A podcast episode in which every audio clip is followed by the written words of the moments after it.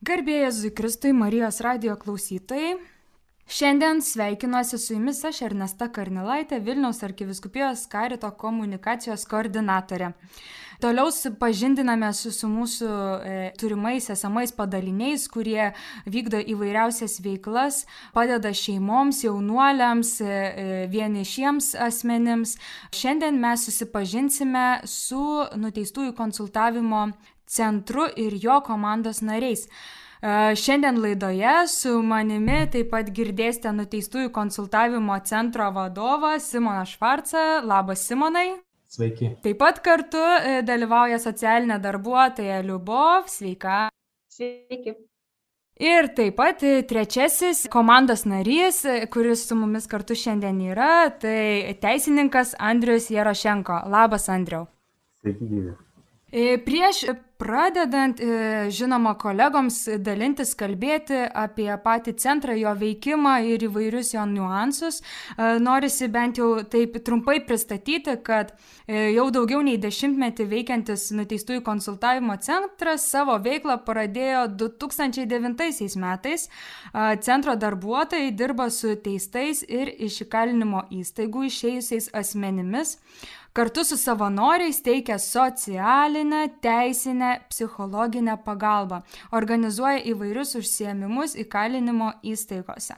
Tai žinoma, tai yra labai abstraktus ir labai bendras e, viso šito centro pristatymas ir tikiu, kad kiekvienas, kuris prisistatys e, dabar jums, mėly klausytojai, taip pat galės papildyti ir sa savo pareigomis ir praktiką e, tai, tai kuo centras užsiema. Tai kviečiu Simonai pradėti nuo tavęs, kaip tu aps, apskritai atsidūrėjai karite ir kuo praturtini arba tave praturtina nuteistųjų konsultavimo centras.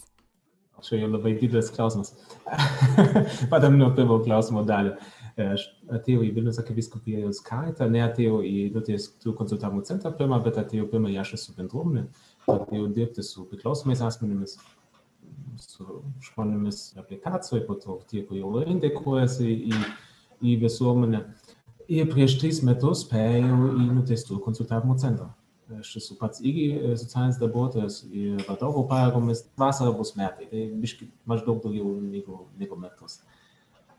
Um, o kaip ką tas mane paturtina, o kaip šitas darbas mane paturtina, tai manau, kad mūsų darbas yra labai reikšmingas, yra be galo malonu dirbti su žmonėmis, ir aš vis, kai kalbu apie savo darbą, aš džiaugiuosi, kad gaunu atlyginimą už tai, kad galiu eiti į santykių su žmonėmis.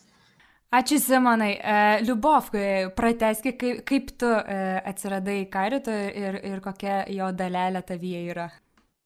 Tai mano kelias karite prasidėjo dar prieš penkerius metus, kuomet pradėjau atlikinėti praktiką. Tai taip labai įdomi jie pasirinkau, iš tikrųjų nuėjau į tą tokią sritį, nes kurios realiai nelabai žinojau, kaip su jie dirbti ir apie nuteistųjų grupę iš tikrųjų žinojau mažiausiai, tai pagalvojau, o kodėl mane pabandyti. Nu ir kažkaip tai išbandžiau save ir man visai patiko. Dar šiek tiek praktikos likau savanoriauti ir jau maždaug po pusmečio mane pakvietė dirbti socialinės darbuotojos pareigose. O kas mane praturtina, tai iš tikrųjų tas darbas su žmonėmis yra, nu, man labai svarbus. Kažkaip kiekvieną žmogų individualiai ir gali kažkaip nu, aptarti jo problemą jo gyvenime, kažkaip tai paliesti tai ir kažkaip tai giliau susipažinti su žmogumi ir tai, kas legia tą žmogų.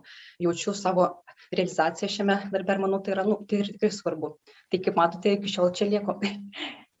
Ačiū, Liubov, labai. E, Andriau, kviečiu e, pratesti susipažinimą. Tai mano kelionė karite prasidėjo savanoriaujant. Iš tikrųjų, vienu momentu gyvenime aš pajutau, kad noriu atlikt kažkokius tai neatlygintinus darbus gerus teisingus ir kadangi anksčiau nebuvau savanoriavęs o pirma mintis e, pagalvojus apie savanorystę pirma organizacija kuriai šovė į galvą buvo karitas nors apie karitą iki šiol buvau, iki tada buvau girdėjęs tik tai, kad jie ten rūbus dalina ir valgy duoda žmonėm. Tai be kažkokios tai konkrečios e, intencijos ar, ar, ar noro vat, kažką tai konkretaus daryti, aš nuėjau tiesiog pas koordinatorės tuo metinę savanorių. Ir um, jinai mes paklausė, ką aš moku daryti. Nu, aš kadangi esu pagal specialybę teisininkas, tai pasakiau, esu teisininkas, tai tuo ir galiu padėti, ten, kur reikia.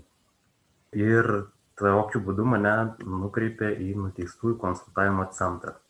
Tai man tai irgi buvo visiškai naujas rytis, visiškai nauja žmonių grupė.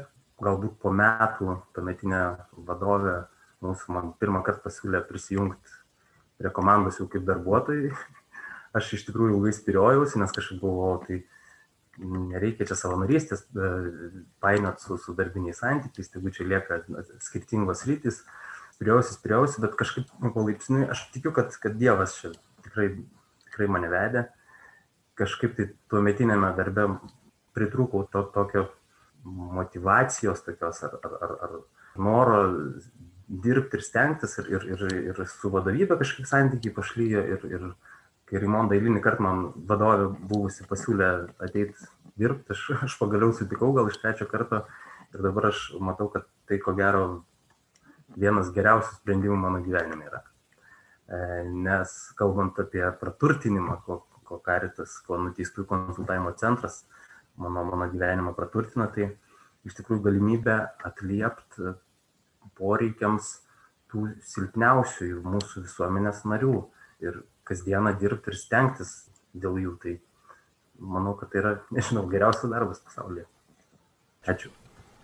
Tokia privilegija dirbti karate, nes mes darom tai, ką mes norim daryti, mes matom prasme tame. Um, be abejo, man tai buvo didžiulis, nu, didelį įtaką daro tai, kad aš galiu išgyventi savo tikėjimą, kad tai krikščioniška organizacija, nereikia slėpti savo įsitikinimus. Um, aišku, mes pirmą, pirmą vietoje teikiam socialinę pagalbą ir teisinę pagalbą, bet kartais tai būna progų, kai, kai galim į tą dvasinę pagalbą įeiti. Ir tai yra pliusas ir mes tikrai ne kiekvienoje darbo vietoje galim tai daryti. Ir mes čia, čia ne vien darbas, bet karitas yra bendruomenė mes su kitais karito padaliniais bendraujam tarpusavį, esam mažas padalinys, tai yra kaip, kaip bendruomenė. Neeinam į, einam į darbą, bet einam į, į santykį. Ačiū labai, tikrai turtinga komanda esate ir, ir nuo širdumu, ir, ir, ir savo liudijimu. Ir kažkaip e, iškart atrodo neviniojant į vatą, e, pereikime prie tam tikrų e, E, klausimų e, būtent susijusių su iš įkalinimo įstaigų e, išleistų asmenų. Žinau, kad kartu lankotės ir bent jau prieš karantiną lankydavotės ir gyvai kalėjimuose. Ir kažkaip, nu, vat, aš kaip pati rengiau šią laidą, žinoma, labai noris ir per tikėjimo prizmę eiti. Ir, ir man iš karto asociacija atėjo, kad vat, Jėzus yra tam tikras sutaikinimo, ramybės valstybės kunigaikštis. Ir, ir kažkaip jaučiu, kad jūsų darbe to sutaikinimo tarp nuteistųjų ir e, galbūt visuomenės, nes iš tikrųjų karite gal beveik visos grupės yra pakankamai stigmatizuotos ir, ir mes, aišku, irgi nešame misiją parodyti žmonėms, kad, kad visi esame vienodi, kad visi esame žmonės ir kaip tas sutaikymas, e, būtent įvedimas į visuomenę reiškiasi jūsų darbe, Simonai. Taip, kaip tai mūsų darbe reiškiasi. um, susitaikymas, jo, mes esam, yra gal tai antras žingsnis. Pirmas žingsnis yra tai, kad žmogus ateina su problemom, su labai konkrečiom. Išeina iš patys įstaigos ir patys įstaiga visada reiškia, kad žmogus paranda santykius. Nesvarbu, ar jis gali išlaikyti tas santykius, bet kaip galim išlaikyti santoką, kaip galim išlaikyti bendravimą su savo vaikais, jeigu mes atliekam bausmę. Tai yra be galo sudėtinga daug santykių išėjo. Um, žmogus taip pat yra atskirtas nuo visuomenės, tai jis paranda santykių nuo visuomenės. Tai mūsų pirmas žingsnis yra gražinti tos bazinius poreikius, tenkint, nu, gyvenamoji vieta, maistą, rūbus, nu tai, ką jūs įsivaizduojat, ko žmogui reikia dabar. O antras žingsnis yra kažkaip padėti atkurti tos santykius su šeimos nariai, gal ir su, su bažnytinė bendruomenė, gal ir, ir, ir einam to, kad galbūt kada nors ateityje pavyks, kad mes turėsim vieną kitą programą, kad galėtumėm susitaikyti auką ir nusikaltėlį. Ir tam mes matom tą atkūrimą, tą Jėzus veikimą, nes Jėzus yra tas, kas, kuris gražina, kuris kviečia mus atgal į santykį. Ir mes vienu, bet mes esam tie žmonės, kur kviečia žmogus atgal. Na, mes, mes tokiu būdu rodom Jėzus, Jėzus meilę. Viena mūsų, mūsų centros ir, ir, ir misija yra praktiški Dievo meilės darbai.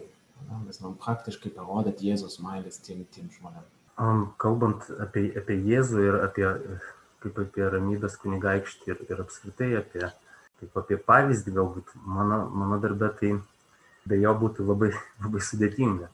Nes, na, kalbant apie, aš irgi tai norėčiau e, biškelį e, į kaip sakyt, į antrą vietą pastatyti, pirmiausia, man tai yra nenuteisimas žmogaus. Nes jisai jau, jau nuteistas, jau nurašytas visuomenės, jau, jau pažemintas visai kaip tik tai įmanoma. Man Jėzus yra pavyzdys, kaip, kaip reikia priimti žmogų, kaip reikia su juo bendrauti, ką reikia, kaip reikia elgtis su, su, su mažutėliais, kaip, kaip jisai moko. Be, be tokio pavyzdžio, na, būtų tikrai labai sudėtinga ir tada atsirastų daug labai pagundų pradėti teist, smerkt, o, o mūsų darbe šitos, kaip sakyt, prabangos kabutėse mes neturime. Labai lengva mums gal atskirti tos žmonės, sakyti, nu, čia nuteistasis, čia toks, čia anoks, kad tas pats alkoholikas, nu, ja, alkoholikas ir narkomanai. Bet manau svarbu matyti, kad jie, jie tokie patys žmonės kaip, žmonės kaip ir mes. Tokie, tokie patys. Ir gal kažkokia dalelė jų gyvenime buvo kitaip negu mano aš turiu tą mal, Dievo malonę, esu patyręs, esu patyręs tą, kad užaugau sveikoje šeimoje, um, kad kai aš nusklydau, buvo žmonės šalia, kur mane ištempė, kur mane paprotino, kur sakė, Simonai, tu neini to keliu, eik atsikrėšk. Ir tie žmonės patys įstaigoje, bausmę atliekantis, jie dažnai, labai dažnai tokių žmonių neturėjo. Vis tų sveikų santykių nėra turėjęs. Tai ką mes galim jiem pritaikyti tos pačios standartus kaip mums. Grįžtant prie, prie Jėzus ir jo galestingumą, pats paskutinis žmogus, su kuriuo Jėzus kalbėjo, buvo nuteistasis iki gyvos kalbos. Ir tą Jėzus paskutinį minutę jo gyvenime dar sugebėjo atleisti tam žmogui ir pažadėti, kad busim kartu uh, danguje. O tas žmogus net neturėjo galimybę ten atsikrėšti, kažinti savo, savo, savo skolas, e, sutvarkyti ir 20 metų parodė, kad jis yra pavyzdingas pilietis. Ne, jis tokias galimybės neturėjo, jis tik nuoširdžiai atkeliavo ir to jau užteko. To aš nenoriu sumenkinti, kad nuteistieji turi atkeliauti, turi sumažinti savo padarytą žalą. To tikrai nenoriu sakyti, bet aš noriu sakyti, tokia turi būti mūsų pozicija, kad mes priimam. O Jėzus jau pirmą tą žmogų priima. Jis leidosi į kalbą su juo. Kalbant apie tikėjimą, tai iš tikrųjų sakyčiau, kad tas padeda priimti žmogų. Kartais tai būna ganėtinai galbūt ir sudėtinga, bet vėl, vėlgi mes turim suprasti, kad mūsų pozicija darbe yra labai aiški. Mes esam lygiai verčiam santykių su žmogumi ir jis turi jaustis oriai, atėjęs į konsultaciją, jis turi jaustis priimtas. Kad, kad ir su kokia sunkia patirtim ir labai labai neaiškia, nes situacija jis ateina, jis turi jausis, kad jis galim apie tai pakalbėti, kad, kad už, tų, už mūsų centrų ribų tai niekur nenueis ir jis gali jaustis saugiai ir priimtas. Mes iš tikrųjų, mes, mes nesam teisėjai, mes negalim teisti žmogų, tam yra žmonės, teisėjai, kurie gali nuteisti žmogų, mes esame socialiniai darbuotojai ir mes turim priimti žmogų. Čia yra tokia mūsų pozicija, apie kurią minėjo Simonas ir tai yra labai svarbu, kad mes ją išlaikytumėm nes pirmiausia yra žmogaus orumas ir, ir tai, jo, tai lieka svarbiausių dalykų. Ačiū labai, Liubov. E, norėčiau taip pat irgi tą pratesimą pratesti, kur e, jeigu kalbam apie Jėzų kaip, kaip taikos kunigaikštį, kartu, žinoma, su tikėjimu mes e, irgi patiriam e, ir labai daug laisvės. Tik tai laisvė mes dažnai iš tikrųjų man rodos, tikėjimas padeda suvokti tą laisvę kaip, kaip tam tikrą ir įsipareigojimą kito atžvilgiu, kito gerovės atžvilgiu. Ir žvelgiant į, būtent į, į, į žmonės, su kuriais susidurėte, man rodos, e, tas nu, nuteisinimas ir, ir pasmerkimas dažnai ateina dėl to, kad iš tos laisvos valios kažkokio gal nepilno supratimo, kad, nu, vad žmogus paėmė ir padarė e, ar nusikaltimą iš vienos pusės, pats kaltas, ypatingai daug šito ateina iš apskritai suvokimo, tai vad būtent tą pats kaltas ir, ir apie tą laisvę, kiek iš tikrųjų, vad kai susidurėte su asmenimis, kiek jie patys laisvi ir nelaisvi yra savo sprendimuose. E, Liubov, gal gali pasidalinti? Šiandien kaip tik turėjau atvejį bendrau su žmogumi iš nuotolį jis atlieka bausmę pataisos įstaigoje apie 20 metų. Ir aišku, pirmas klausimas už ką kaip, bet aš to net neklausiu, žmogus tiesiog pasakė, kad, nu, aš augau tokioj šeimoje, kur buvo smurtas prieš motiną, prieš mane ir paskui patikau globos namus. Ir na, paskui buvo labai sunku kažkaip tai suprasti, kaip pačiam įstot ant kojų, nes žinom, kad uh, žmonės uh, augdami vaikų globos namuose, nu, jie gal neturi tokios nu, pilnavertės pagalbos, kaip sakyčiau, žmonės, kurie auga uh, pilnose šeimose. Ir paskui žmonės yra paleidžiami, uh, kai jiems sukanka 18 metų ir viskas, ir tų jau nu, tiesiog turi stotis ant kojų. Ir čia iš tikrųjų yra nu, didžiulis sunkumas, kai nėra šalia žmogaus, kuris patartų gal, tai, tai kaip būti teisingai padaryti ir panašiai. Tai ir iš tikrųjų tas žmogus man prisipažino, kad, žinai, aš neturėjau tokio šalia žmogaus, neturėjau šalia autoriteto, kuris man pasakytų, kad, nu, žinai, tu, aš, nu, dabar aš klystu ir galbūt jeigu aš taip darysiu toliau, tai aš, nu, tiesiog link gerų nenueisiu. Tai va, tai sakyčiau, kad priklauso nuo to, kokioje socialinėje aplinkoje žmogus augęs. Andriau, Čia, e, kaip minėjai, Ernesta, apie, apie tam tikras stigmas ar stereotipus, e, apie nuteistuosius. E, tai be to, kad vat, pats kaltas, tai žmogus turbūt nesąmoningai labai dažnai galvoja, kad nu, jisai vat, piktybiškai, tas, tas nuteistas, jisai piktybiškai pasirinko nusika, nusikaltimo kelią ir, ir sąmoningai jį daro. Ir, ir, ir tai yra jo pasirinkimas ir, ir jisai to nori, jaučia malonumą ir yra kažkoks recidivistas, e, galbūt aš esu tirštinus spalvas, bet, bet taip, e, jeigu taip pasigilinti, tai turbūt tikrai dažnas taip galvoja. Tai aš e, norėčiau bent jau iš turimos patirties tikrai paneigti šitą, šitą galima sakyti, mitą, nes, bet ką ir Liubovė sakė, tarkim, didžioji dalis mano klientų tai yra žmonės arba užaugę vaikų namuose, kurie na, nėra, nėra gavę ne tai, kad tėvų meilės. Jie nuo pat mažens yra susidūrę su smurtu, su prievarta, e, su pažeminimais ir, ir kai žmogus galų gale susiformuoja, jeigu galima taip pasakyti, yra išleidžiamas į pasaulį, na, nu, ką, ką, ta prasme, ką jisai turėdamas tokį bagažą, skausmo, ką jisai, ką jisai gali gero pasiūlyti visuomeniai. Taip, žinai, kaip galima tikėtis iš jo, kad jisai, kad jisai taps sąmoningas, e, atsakingas visuomenės e, pilietis. Dėl to tie žmonės, tie mūsų klientai, didžioji dalis jų, jie tiesiog ne, nemoka elgtis kitaip. Jie ne, neturėjo niekada pavyzdžio tokio teisingo ir galbūt niekas jų nėra pabaręs iki tol, kol jisai nepateko į pataisos įstaigą, kur jau tenai kitaip, dėja kitaip auklėjami žmonės. Simonai.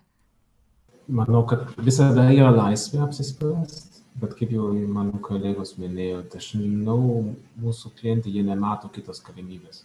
Um, jie tiesiog tokiam aplinkoje auga, kad ta galimybė, kur nors kreiptis pagalbos, um, kur nors legaliai užsidirbti, e, iškentėti tam tikrą mėnesį, dvim, kol bus pinigai, kol, kol pasistengsiu, jie, jie to negali, nes niekada to, to ne, nemoka. Ir dažnai, tikrai labai dažnai, jie nesuvokia savo veiksmų pasiekmes. Labai retas mūsų klientas, kuris turi aukštus savirefleksijos gebėjimus, kuris galėtų kritiškai į save žvelgti iš šono kartais, nu, pavyzdžiui, bendrauju su, su asmenimis, kurie atlieka bausmę pataisos įstaigų, bet gydosi rehabilitacinė bendruomenė, nu, gydosi alkoholio, e, alkoholizmo, priklausomybė nuo narkotikų. Ir tada mes matom, wow, tie žmonės jau dirba. Ir tie žmonės, jie turi tą gebėjimą žvelgti iš save iš šono. Bet tas žmogus, kuris negauna tiek daug paslaugų pataisos įstaigai, jie dažniausiai to nemoka. Ir tada jie išeina į laisvę, sako, gerai, aš atsidėjau savo bausmę, aš esu vėl švarus e, lapas, atliko bausmę, kentėjau ir viskas. Taip, tikrai tu atlikai tą savo bausmę prieš visuomenę, bet vis vien tavo aukos ta lieka pažeistos, nesupratimi, kodėl jie buvo nusikaltimų aukos. Ir mūsų nu, klientai jie to nesuvokia. Labai nu, dirbam prie to, tikimės, kad ateityje galėtumėm daugiau su tuo dirbti, kad mes galėtume dirbti su žmogum, kad jis suvoktų, okay, ką aš esu padaręs, kad būtų ta, ta atgalia tikra ir tada jie atsiranda daugiau laisvės, kaip, kaip tu sakai. Nes dabar jie išeina, jie visiškai nori pamiršti apie tai, kas buvo. Aš jau taip buvau ir viskas. Tu klientai labai gerą santykį, labai daug dirbom, ja, apie, apie nu, gydos temos kalbėjom, apie dvasinės temos, bet duok Dieve, tu neliesk tas klausimą apie nusikaltimą ir apie kaltę. Nes iškart sieną, žiūrėk, aš atsidėjau, viskas toks, tu apvogai žmonės. Tu suvokai, kad jie po to turi tą nesaugumo jausmą savo pačiuose namuose. Tai suvokai, čia nėra vien pinigai. Čia tu, tu nu, psichologiškai paveikia žmonės. Ir jie to iki to nesueina. Nes gal mūsų smegenys taip sukonstruota, kad mes neigiam tikrovę, ne? mes nenorim laistyti, mes norim apsaugoti nuo, nuo, nuo skausmo. Tai laisvės klausimas tikrai tokia. Aš manau, laisvas žmogus gali papasakoti apie savo gyvenimą, gali priimti atsakomybę. Tada aš esu laisvas ir vientisas. Bet jeigu aš to negaliu, aš bėgu nuo savęs, tai aš nelabai laisvas. Tai nežinau, ar mano sprendimai yra laisvi. Ačiū labai ir kaip tik nuo laisvės, man rodos, irgi dar labai susiję su tais teisingais ir neteisingais sprendimais. Ir iš tikrųjų vienos homilijos metu teko girdėti tokį a, kunigo a, pasakymą, kad iš tikrųjų teisingi sprendimai dažnai būna labai sunkus ir, ir jie labai sunkiai įgyjami, o iš tikrųjų lengvi sprendimai būna tie daugiau neteisingi, kurie yra labai greiti ir juo atsikratyti yra labai sunku iš tikrųjų iš vienos pusės. E, tai man rodos, kad dar apskritai visuomenė yra tas kelias lengvų, iš tikrųjų ir sudėtingų sprendimų. Ir čia reikia turėti tam tikrą kalibrą, kad galėtumėm įvertinti, atrodo, kas yra uh, teisinga ir, ir, ir kas neteisinga, kas, yra, kas iš tikrųjų uh, sunkiai prieinama, uh, tarkim, atvirumo kelyje, nuoširdumo kelyje, gėrio rodymo ir prieimimo kelyje. Ir socialinis bažnyčios mokymas taip pat irgi kalba apie patį teisingumą, kad bendrabuviui nepakanka socialinio teisingumo, juo labiau teisinio teisingumo, nes jokia įstatymų leidyba nesukuria žmonių tarpusavio geronoriškumo. Ir manau, kad būtent šioje vietoje ir įsiterpia ta gailestingoji meilė, jos žinia, kurią nešate ir jūs kartu. Ir todėl kyla klausimas, kaip jūs jaučiate būtent socialinio teisingumo galbūt stoką arba kaip jūsų darbas papildo būtent šią sistemą, galima sakyti, nes e, kartais būna, kad e, gal kai kurios NVO sunkiau sutarė ar su valstybinėm institucijom, arba dažniau kariauja vieni su kitais. Kartais būna, kad vieni kitus kaip tik labai gražiai gali papildyti. Tai galbūt galėtumėt pasidalinti iš jūsų praktikos, kaip tai vyksta. E, Simonai. Apie valdžios įstaigas. Aš stengiuosi, kad mes būtum kaip papildymas tiem esamiems paslaugoms. Šiuo metu atsiranda paslaugos pataisos įstaigoje, um, bet kai kalba apie savo darbą, mes įsivaizduojam, kad arba kai aš pradėjau dirbti, aš galvoju, kad okay, pirmas mūsų užduotis yra keisti gyvenimus. Na, o po to pamačiau, kad realiai mūsų darbai yra daugiau tokia pirminė, greitoji pagalba, baziniai poreikiai. Šiuo metu niekas jų netenkina. Dabar šiais metais atsiranda, yra nauja tvarkos aprašas, socialinės apsaugos ir darbo ministerija, teisingumo ministerija, dirba kartu, atsiranda socialiniai darbuotojai pataisos įstaigoje ir mes šiuo metu yra labai toks vaisingas laikas, mes matom daug pokyčių bausmės vykdymo sistemoje, mes šiuo metu, nu, mes kaip centra niekada neturėjom tokio gero ryšio su kalėjimų departamentą ir su pataisos įstaigomis. Tai, tai nereiškia, kad mes tampam patogiai, mes jau vis dar reiškiam savo nuomonę, bet uh, mes matom, kad mes bendradarbiavome einam. Bet kaip jau prieš tai sakau, mūsų vien tai, kad žmogus atsidėjo dešimt metų pataisos įstaigoje, tai nesukūrė teisingumo. Kas, ką auka gauna iš to, kad žmogus atsidėjo? Ok, nu gal keštas, bet nu, jeigu busim visi sąžininkai, ar mums tas keštas uh, tenkina? Nu, nelabai. Keštas mums daug daugiau varo į, į neviltį, į, į beprasmybę, ir mes tą norim, kad tas žmogus būtų užmuštas. Ir tada užmušam tą žmogų, vis vien mūsų keštas lieka. Tai ko mes iš tikrųjų norim? Mes norėtume, kad tas žmogus pasikeistų, pasitaisytų, kad tas žmogus ateitų. Jeigu, pavyzdžiui, užmušai mano artimą žmogų, tai aš norėčiau iš šudikų sužinoti, kodėl, kokiam aplinkybėm, kodėl tok, toks atsitiktinė auka, kaip mano draugas, buvo užmuštas.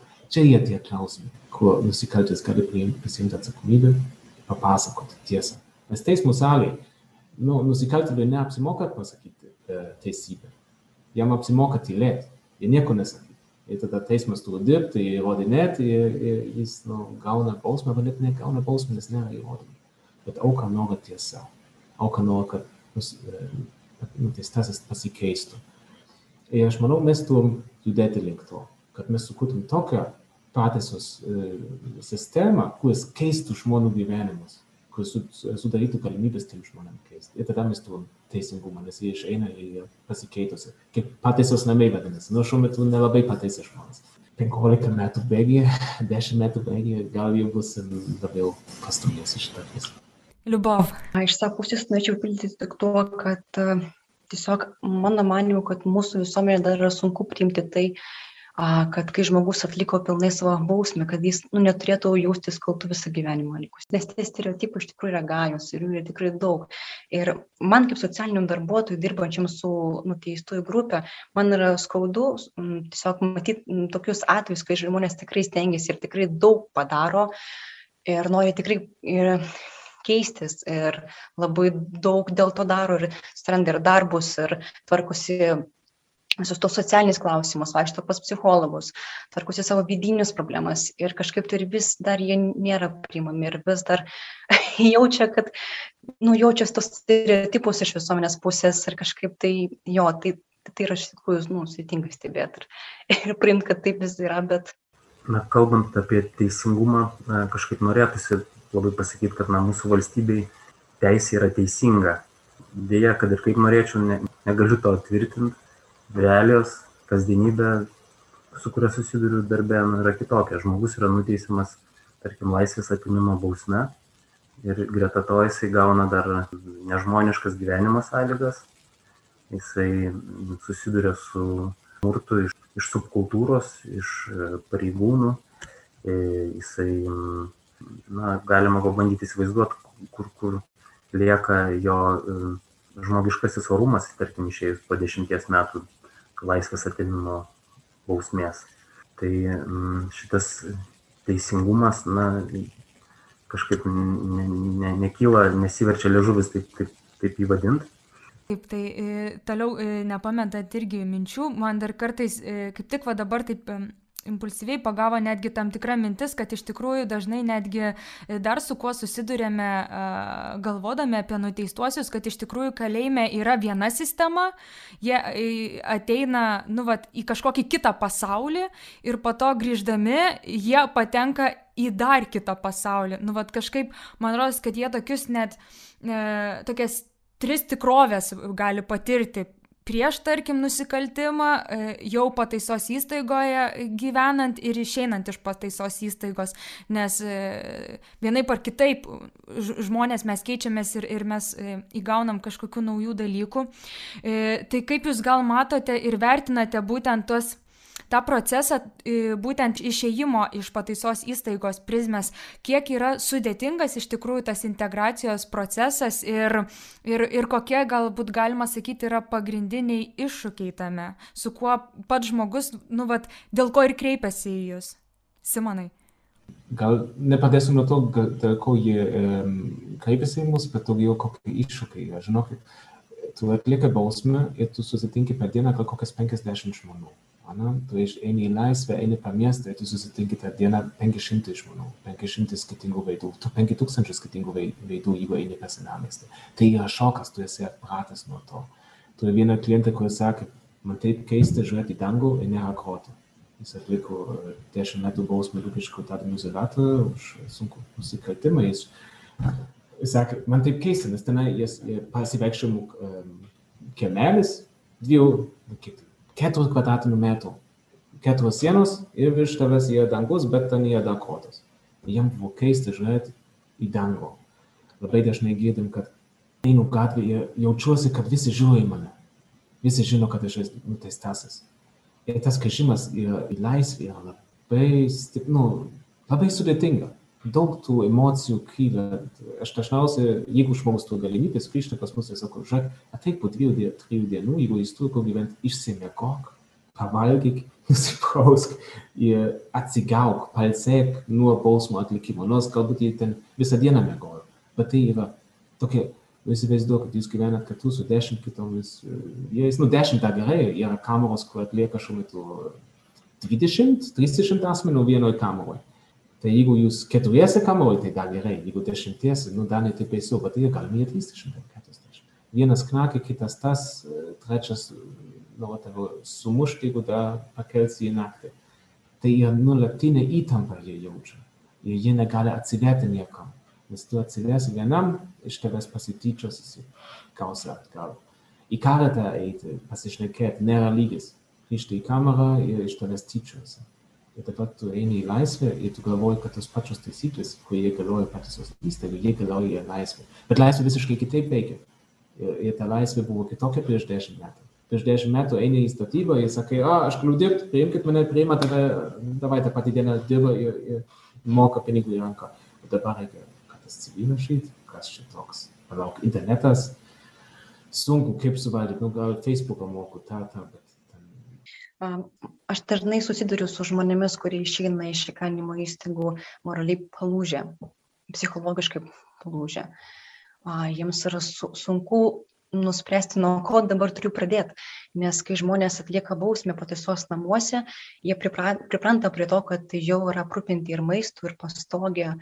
Ir kaip ir viskas nu, yra ir nu, daugiau kaip ir tu nieko negali padaryti, ko, ko, kol atlieki bausmę, o išėjus laisvę tu turi viską jau, nu, visko surūpinti pats. Ir tai kelia didžiulį stresą, nes žmonės ateina ir susiduria su kitais žmonėmis, kurie juos galbūt nu, kitaip žiūri ir tie stereotipai, jie tiesiog, jie dar labiau trukdo žmogui integruotis laisviai. Ir nes šitie, jaus, šitie žmonės yra labai jautrus kiekvienai kitų žmonių reakcijai. Sakyčiau, net gal perdėtai jautrus. Turėjau nesnį atvejį su žmogumi, kuris išėjęs pataisos įstaigos atliko bausmę apie 10 metų ir jis atėjo mūsų centrą ir mes kartu nuėjom į parduotuvę, mes nupirkom jam šiek tiek maisto ir hygienos priemonių, paskui mes papildėm Vilniečio kortelę ir jis sako, o ką man šitą Vilniečio kortelę, ką aš turiu su ją daryti. Aš sakau, tai žiūrėk, jinai nu, yra, žodžiu, turiu Vilniečio kortelę, dabar kai važiuosi autobusu, tu turėsi tiesiog ją prispausti ir kad būtų toksai signalas pip, ir sako o kam tas? Nu sakau nu tai čia tam kad tu sumokėtum už tą už kelionę. Sakau ar tu turi stebėti savo laiką nes tas e, bilietas kai nu, pavyzdžiui jis yra už pusvalandinis arba valandinis sako o man tai čia juodas miškas. Aš sako aš lab, man sunku atpažinti vilnių vilniaus gatvės čia dabar kažkaip tai pasikeitė ta visa sistema ir su autobusais važinėjimas iš tikrųjų jam tas nu kiek kelia tikrai to papildomo streso. Ir o mes esam nu tiesiog tam kad me, mes tą paaiškintumėm žmogui kad kad jam būtų nu kažkaip taip paprasčiau ir, ir, ir, ir moraliai lengviau.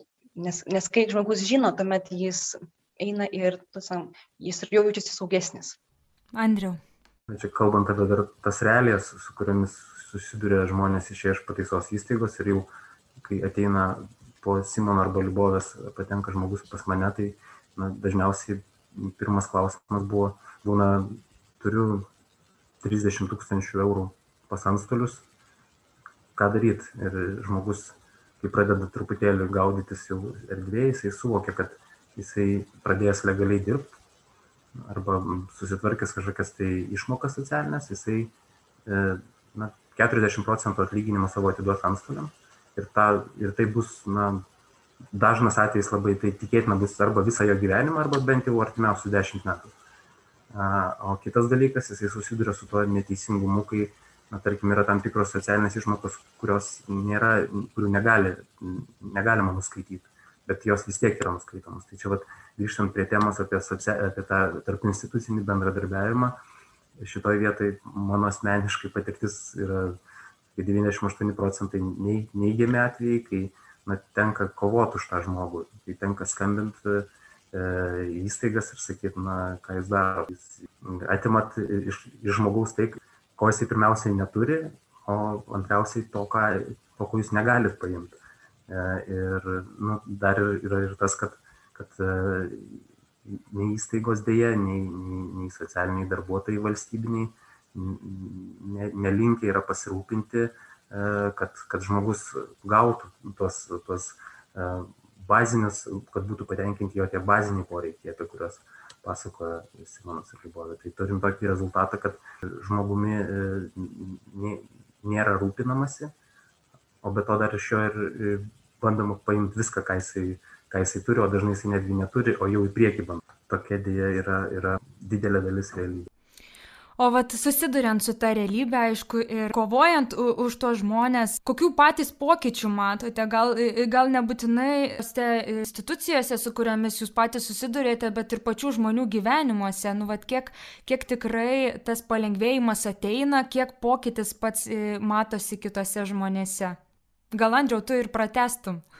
Kaip, kaip tau ten kovot sekas?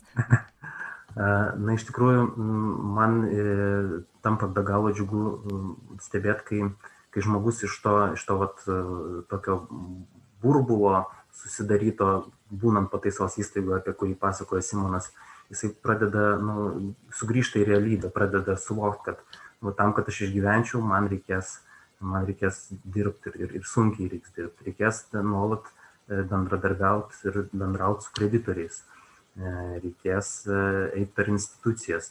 Ir va, tas va, samoningumas žmogaus, kuris, kuris po truputį gimsta, kurį galbūt ir, ir mes padedam jam įgyti, jis iš tikrųjų labai džiugina ir be abejo man labai džiugu, kai aš galiu pasakyti, žiūrėk, žmogau, mes, mes uždarėm dalį tavo bylų senaties pagrindų ir, ir tu nebeskolingas būsi bent jau šitą dalį arba sumažinom vykdymo išlaidas.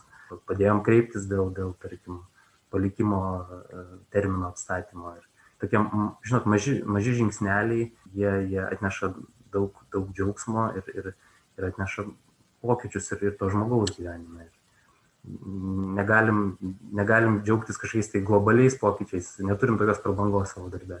Vienas mažas įvyktas žingsnelis, o žmogus atvyko į susitikimą. Tai yra labai, labai gerai, labai daug, nes dažnai tiesiog neteina ir tada neaišku, neaišku, tampa neaišku, ar, jis, ar mes jį ar kada pamatysim. Tai jo, maži dalykai džiugina. Jo, kiekvienas atvejis skirtingas, kaip Andus minėjo, mažas žingsnelį. Um, tuo vieną klientą mes padėjom bendrauti, jis buvo sustas pas mus, kol jis buvo probacijos tarnyboje, jis prisidirbo, atliko bausmę, kol jis atliko bausmę, jis savarankiškai į mane kreipėsi, rašė laišką, bandė susisiekti su manim, pradėjom dirbti, jis išėjo į laisvę. Uh, laisvė pradėjom dirbti, bet jis vėl grįžo atgal į patiesos įstaigą. O ko pasidžiaugti šiuo atveju? Pasidžiaugti tuo, kad um, mūsų centras tapo jam ne namai, bet atima. Jis turi problemą, jis kreipiasi pas mus, jis kreipiasi pas Ando dėl teisinės klausimus, dėl paveldėjimo, pas mane kreipiasi, jeigu jam sunku, skambina, kai, kai kyla mintis dėl savižudybės. Kita, kita atveju nu tikrai sunku jam išlikti laisvėje, sunku jam gyventi laisvėje. Ten važiuoja per visą Europą, kryžinėja, ten tampa prekyba žmonėmis auka, grįžta į Lietuvą, išvažiuoja į kitą šalį, skambina iš Prancūzijos, Simonai padėk. Um, o ką, koks ta džiaugsmas šitam atvejui, kai viskas grūna? Nu, džiaugsmas tas, kad žmogus jau du metus yra laisvė du metus nepapuolęs į patiesos įstaigą ir kad jis žino, kur gali kreiptis pagalbos. Ir jis jau pats tai gali įvardinti ir jis gali dėkoti už tas paslaugas, kur mes suteikiam. Mes suteikiam paslaugas nemokamai, be abejo, bet jis dėkoja už tai, tai tas dėkingumas jau, okei, okay, kažkas įvyko žmogus gyvenime. Tai tie žingsniai labai mažai, arba kitas žmogus išėjęs prieš metus, bet nuolat atkrenta. Kas mėnesį gauna atlyginimą ir važiuoja keturias dienas palaruot, palieka žmoną namuose, žmona pyksta, nori skirtis, nepaliks tave, eina kartu. Ko pasidžiaugti? Pasidžiaugti tuo, kad gal tie blaivi momentai ilgėja, um, kai jis ateina pas mane į konsultaciją, aš džiaugiuosi grinai dėl to, kad jis šiandien yra gyvas. Nes tai nėra duotybė. Ir kad jis šiandien sėdi pas mane. Ir aš jam sakau, aš džiaugiuosi, kad tu esi gyvas, nes tavo priklausomybė yra rimta ir kitą kartą manau, kad galbūt nebeištemsi. Liubov. Iš tikrųjų, tie visi atvejai yra labai skirtingi ir labai individualūs. O kalbant apie tą pokytį, kai žmonės ateina ir konsultuojasi ir visų laikų matai, kaip jam tampa pačiam labai svarbu išsispręsti ir priimti sprendimą dėl tam tikrų dalykų. Taip pat, kai jie ateina iki mūsų centro, mano manimu, jie jaučiasi mums reikalingi, jaučiasi įvertinti, mes galim juos išklausyti. Ir kai Simonas irgi pantrinsiu Simonui, kai jiems yra labai sudėtinga, jie vis kreipiasi į mūsų centrą pakartotinai. Ir tas jau parodo, kad nu, žmogus mumis pasitikė mūsų pagalba, mūsų centru. Ir tas grįstas pasitikėjimų santykis a, iš tikrųjų duoda galimybę žmogui pasikeisti, nes jis tikrai jaučiasi svarbus ir kažkam tai reikalingas ir kažkas tai, o būtent šiuo atveju mes tikim, kad jam gali pasisekti. Ir nu, mes visi esame žmonės ir mums kiekvienam gal labai svarbu um, tikėti, tikėti į save, tikėti į kažką, tikėti į Dievą, ne? Uh, tikėti to, kad aš galiu ir man pasiseks. Ir mūsų klientams irgi yra svarbu tikėti savimi, nes jie išėję iš patisos namų neretai būna praradę tą pasitikėjimą savimi ir galvoja, kad ai man nieko nepasiseks, man būtų paprasčiau grįžti į, į pataisos įstaigą ir nesivarginti, aš, ne, aš nesugebėsiu. O tai tas darbas iš tikrųjų yra ilgas procesas ir mes labai džiaugiamės, kai žmogus ateina ir nori spręsti problemas ir tas jau yra mums labai daug. Ir mes apie tai nuolat kalbam žmogui ir priminam, žiūrėk, tu atėjai, tu padarai tą, tu padarei tą ir tau, ta, tau, tau sekasi, tu gali daryti dar kitus žingsnius, ne? mes, mes esame tau pagalba. Ir jis jaučia, kad šalia jo yra žmonės, kurie nori geranoriškai, nuoširdžiai jam padėti ir dėl to jis jaučiasi stipresnis. Tai sakyčiau, kad po pokyčių tikrai yra daug žmogui.